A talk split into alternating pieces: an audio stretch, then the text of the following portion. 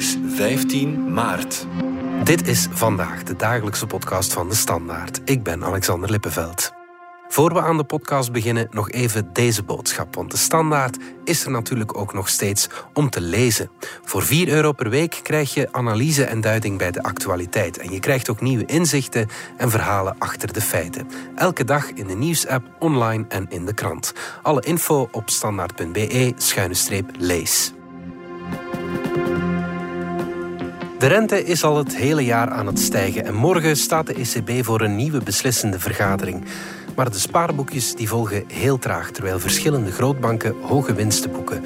Waarom brengt ons spaargeld niet meer op? En zijn het vooral de banken die hier rijker van worden?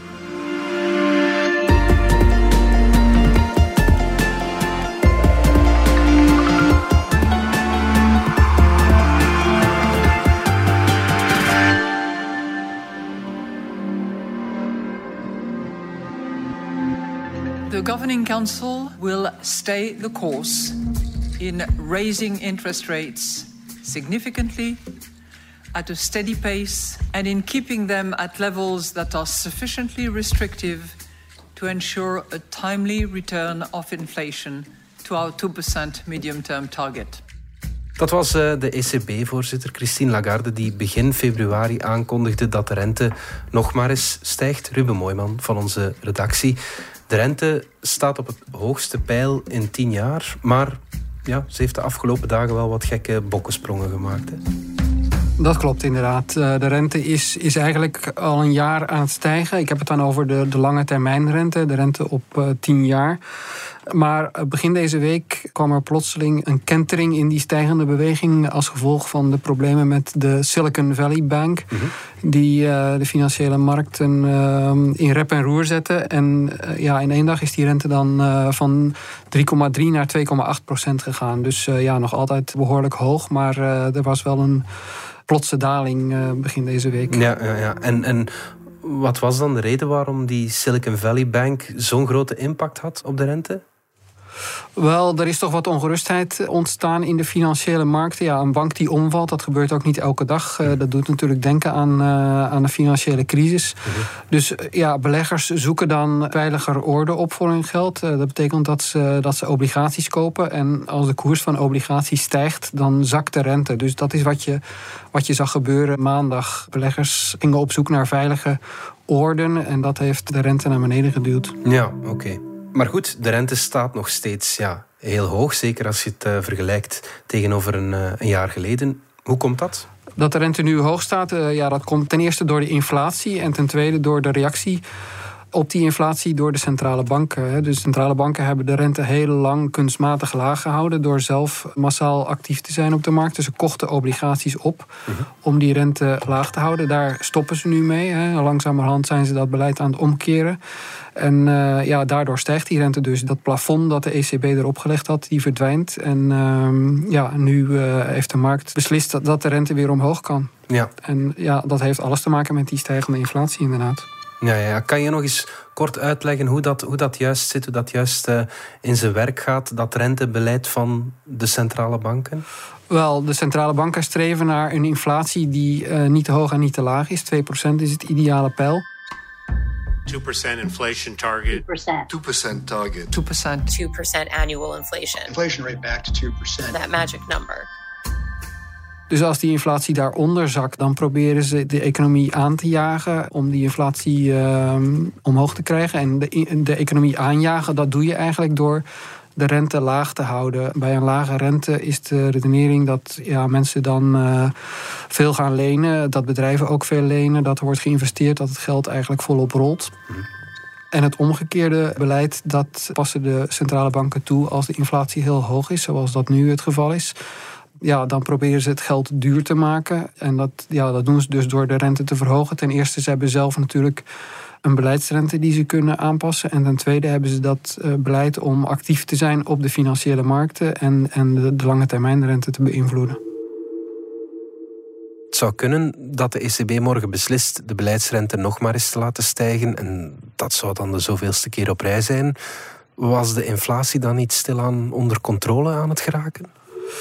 Nee, dat zou ik niet zeggen. De inflatie is nog altijd uh, behoorlijk hoog. Hè? Dus uh, in België is het nu 6,6 procent. Dat is dus nog uh, ruim het drievoudige van het pijl dat de ECB nastreeft. Maar wat bovendien verontrustend is, is dat de kerninflatie nog altijd aan het stijgen is. Dat is de inflatie die losstaat van de energieprijzen, die natuurlijk heel sterk op en neer schommelen. Mhm. Maar dus als je eigenlijk kijkt naar de, de onderliggende inflatie, dan is die nog altijd aan het stijgen. En dat, dat baart de ECB wel zorgen. Mhm. Dus op zich, de strijd is nog lang niet gestreden. Dat is de heel duidelijke boodschap die de afgelopen weken ook herhaaldelijk verkondigd is.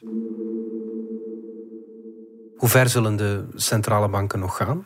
Ja, dat is een interessante vraag waarop uh, heel veel mensen proberen het antwoord te achterhalen. Dat is nu eigenlijk de cruciale vraag op de financiële markten. Waar ligt het uh, pijl waarbij de centrale banken zullen zeggen: nu is het wel genoeg geweest? Veel zal afhangen van die inflatie en ook van de economische conjunctuur. Je hebt eigenlijk nu wat je bij de ECB ziet, zijn eigenlijk twee richtingen. Je hebt een aantal bankiers die zeggen: ja, die inflatie is nog altijd te hoog. We moeten alles op alles zetten om uh, die inflatie klein te krijgen. En je hebt er ook die zeggen van ja, maar laten we toch een beetje oppassen dat we die economie ook niet te veel de nek omdraaien, want daar is niemand bij gebaat. Laten we toch vooral voorzichtig proberen te werk te gaan. Een zachte landing heet dat dan, waarbij de inflatie eh, op het gewenste pijl terechtkomt zonder dat de economie in een recessie komt. Nu, die eerste groep bankiers worden over het algemeen de haviken genoemd. Die roepen de hele tijd ja, hoger, hoger. We moeten nog volop uh, renteverhogingen inplannen. Ja, Pierre Woens, de voorzitter van de Nationale Bank van België, is een van die haviken. In een interview met de Amerikaanse nieuwszender CNBC pleit hij voor een hogere rente. I think we will have to go most probably above two. And you know, we've been claiming that what happens in Europe is different from the UK, from the US. But over the last six months, basically the, the direction we've been taking was not that different. So my bet would be it's going to be over, you know, over 2%, and I would not be surprised we have to go to above 3% at some point.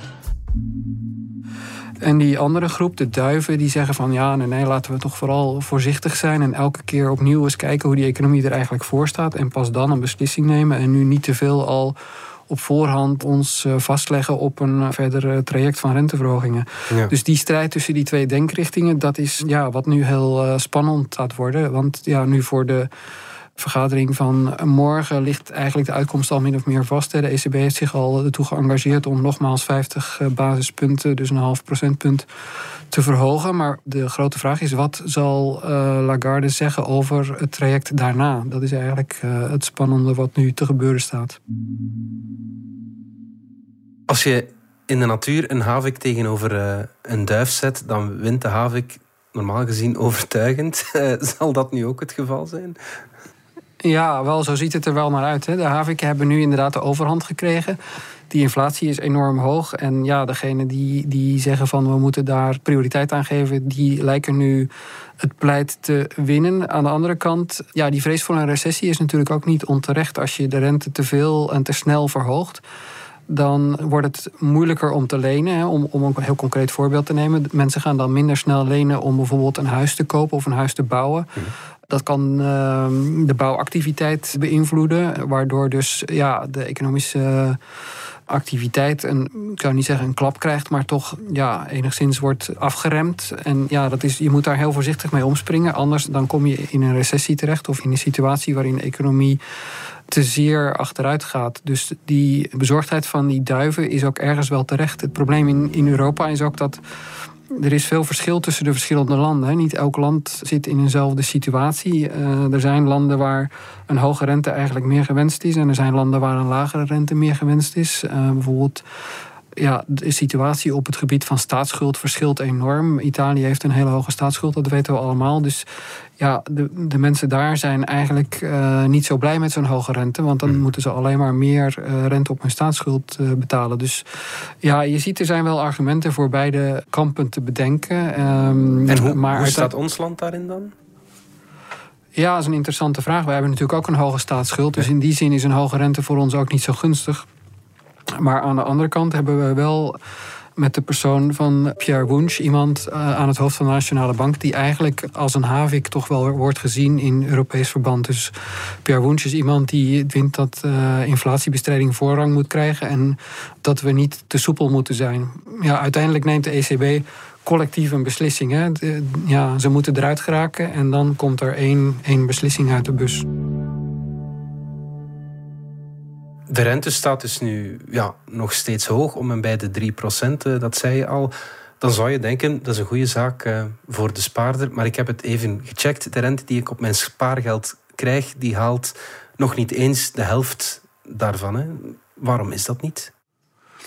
Wel ja, de, de spaarrente, uh, je moet die eigenlijk vergelijken met de depositorente van de ECB. Die staat nu op 2,5 procent. Dat is het geld dat banken krijgen als ze zelf hun uh, geld op een rekening van de ECB zetten. Dus overtollig spaargeld kunnen ze parkeren, zoals dat heet, tegen 2,5 procent. Mhm. En dan kan je zeggen, ja, waarom storten ze die 2,5 procent niet gewoon door aan de spaarder? Mhm. Nu, inderdaad, daar zijn ze heel erg terughoudend mee om die... Uh, die hogere rente terug te storten aan de spaarder. Dat heeft wel een aantal redenen. Ten eerste, ja, een, een renteverhoging heeft een enorme grote impact op de resultaten van zo'n bank. Hè. Er staat 300 miljard uh, euro spaargeld uit bij de Belgische banken. Een heel kleine renteverhoging heeft al een enorme invloed op het geld dat aan rente moet worden eh, uitgekeerd. Dus de banken zeggen van, nou ja, we doen wel wat, we verhogen die rente wel. Bijvoorbeeld BNP Paribas Fortis heeft de rente wel verhoogd, maar de spaarder moet er ook wel wat voor over hebben. En die moet zelf een nieuwe rekening openen met die nieuwe voorwaarden. Dus zo proberen ze wel drempels in te bouwen om het eh, wat moeilijker te maken en om te voorkomen dat die hele massa spaargeld in één klap die hogere vergoeding zou krijgen. Ja. Ja, je kan zeggen dat is niet, niet zo eerlijk. Uh, aan de andere kant, de banken zeggen ook van ja, maar wij hebben natuurlijk ook jarenlang uh, heel goedkope woonkredieten uitgekeerd. Degenen die nu nog een heel goedkoop uh, hypotheek hebben, ja, die hebben eigenlijk niks te vrezen, want die rente is voor heel lange tijd vastgelegd. En dus al die leningen die, die heel weinig opbrengen voor de bank, ja, die slepen ze nog heel lang met zich mee. Dus je moet natuurlijk naar de twee kanten van een balans kijken. Ja, het is. Uh, ja, oké. Maar het is toch wel een beetje wraakroepend, Ruben, dat je al die moeite moet doen om, om die hogere rente te gaan krijgen. Terwijl ze vorig jaar meer dan uh, eh, BNP Paribas Fortis bijvoorbeeld, meer dan 3 miljard winst maakten. Een vijfde meer dan het jaar ervoor. Ja, echt eerlijk kan je dat nu toch niet noemen? ja, wel, ja. Het is maar hoe je het bekijkt natuurlijk. Ja, banken moeten ook wel winst maken om gezond te blijven. Uh, veel van die winst vloeit ook weer terug naar de Belgische staat. Bijvoorbeeld bij Belfius. Hè. Is volledig in staatshandel. Dus dat, die, die winst het is belangrijk dat banken winstgevend zijn. Als je een bankenlandschap hebt dat niet goed functioneert of dat uh, fleert met rode cijfers, ja, dan zit je eigenlijk heel zwaar in de problemen. Dus banken moeten gezond blijven, moeten gezonde winsten kunnen maken. Dat is op zich wel een voorwaarde om, eh, ja, om het vertrouwen van de financiële markten te houden. Uh, nu kan je je afvragen hoe hoog moet die winst dan zijn? Is 3 miljard dan niet, niet heel erg veel? Mhm. Ja, daar kan je over discussiëren natuurlijk. Aan de andere kant zeggen de banken ook ja, wij hebben jarenlang met die lage rente eh, in een heel moeilijke omgeving gezeten. Ehm, dit is eigenlijk een terugkeer naar het normaal. Mhm. Maar natuurlijk, het, het, is waar, het klopt. Uh, ik, ik, denk dat de banken ook wel zelf inzien dat, dat het verhaal moeilijk te verkopen is met die miljarden winsten en tegelijkertijd die hele lage spaarrentes. En ja, ik vermoed ook wel in de loop van het jaar zullen die spaarrentes nog wel wat verder omhoog gaan. Ik denk dat dat onvermijdelijk is natuurlijk. Het is ook wel zo, het is een concurrentiële markt zolang de spaarder niet geneigd is om heel snel zijn geld te verplaatsen, uh, hebben de banken ook weinig incentive om die spaarrente te verhogen. Nu heb je een paar spelers die naar anderhalf procent zijn gegaan. Ja, als spaarders nu massaal hun geld zouden gaan verplaatsen naar die uh, hoogrentende spaarboekjes, dan is er natuurlijk een reden voor de banken om te zeggen van oei, uh, we moeten iets doen. Maar zolang dat er nog niet het geval is, ja, is het natuurlijk ook logisch dat ze zeggen van ja, we proberen dan toch die kosten zoveel mogelijk ja. beperkt te houden. En, uh, ja. Ja. en hoe dan ook, rijk ga je niet worden hè, van de rente als de inflatie lang, nog lang zo hoog blijft.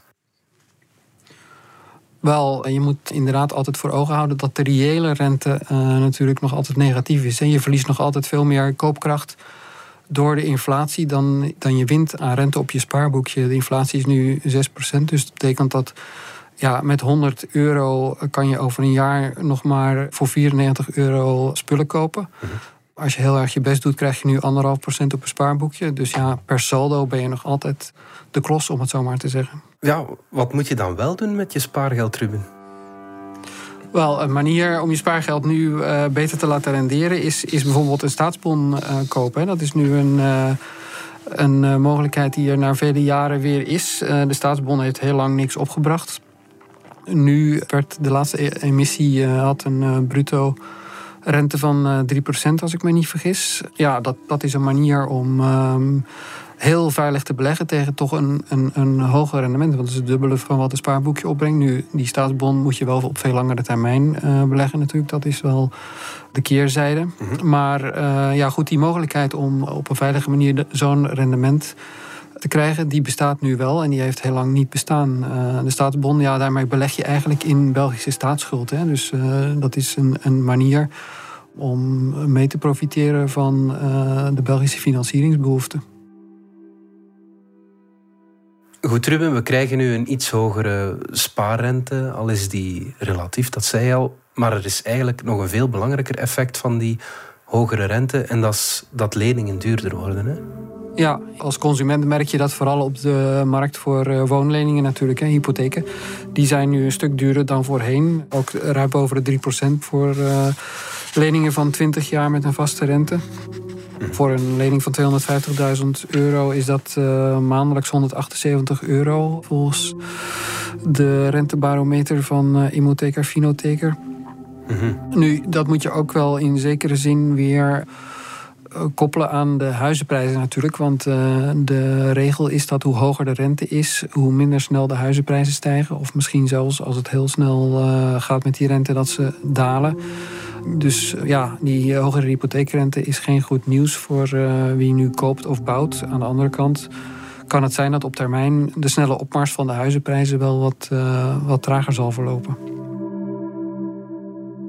Tot slot, wanneer gaan we in een soort van rustiger economisch vaarwater komen, Ruben? De verwachting is wel dat in de loop van dit jaar, misschien na de zomer of ergens in de tweede jaarhelft, de centrale bank voldoende gedaan hebben aan renteverhogingen. Dat ze dan uh, de rente niet langer meer zullen verhogen, maar voor een bepaalde periode op hetzelfde pijl houden. En dan kan langzamerhand alles weer uh, wat tot rust komen. Hè. Dan, dan is de verwachting dat de rente ja, stabiel zal blijven en dat er dan heel voorzichtig misschien weer aan renteverlagingen gedacht kan worden. Op voorwaarde natuurlijk wel dat die inflatie onder controle blijft. Dat die, uh, dat die hoeft niet direct naar 2% te gaan, maar moet toch op een traject richting 2% eh, terechtkomen. Als dat het geval is, dan, dan zal alles langzamerhand weer, uh, weer wat normaliseren. Ja, en als het niet het geval is, dan kom je maar uh, het opnieuw uitleggen in onze podcast. Met veel plezier. Ruben Mooijman, dankjewel. Graag gedaan. Dit was vandaag de dagelijkse podcast van De Standaard. Bedankt voor het luisteren. Volg ons op Spotify, Apple Podcast of eender welk ander podcastplatform. In onze gratis FDS podcast kan je niet alleen ons werk beluisteren, maar ook de beste podcasttips terugvinden met zorg geselecteerd door onze redacteur Max de Moor. Alle credits van de podcast die je net hoorde vind je op standaard.be-podcast. Reageren kan via podcast.standaard.be. Morgen zijn we opnieuw.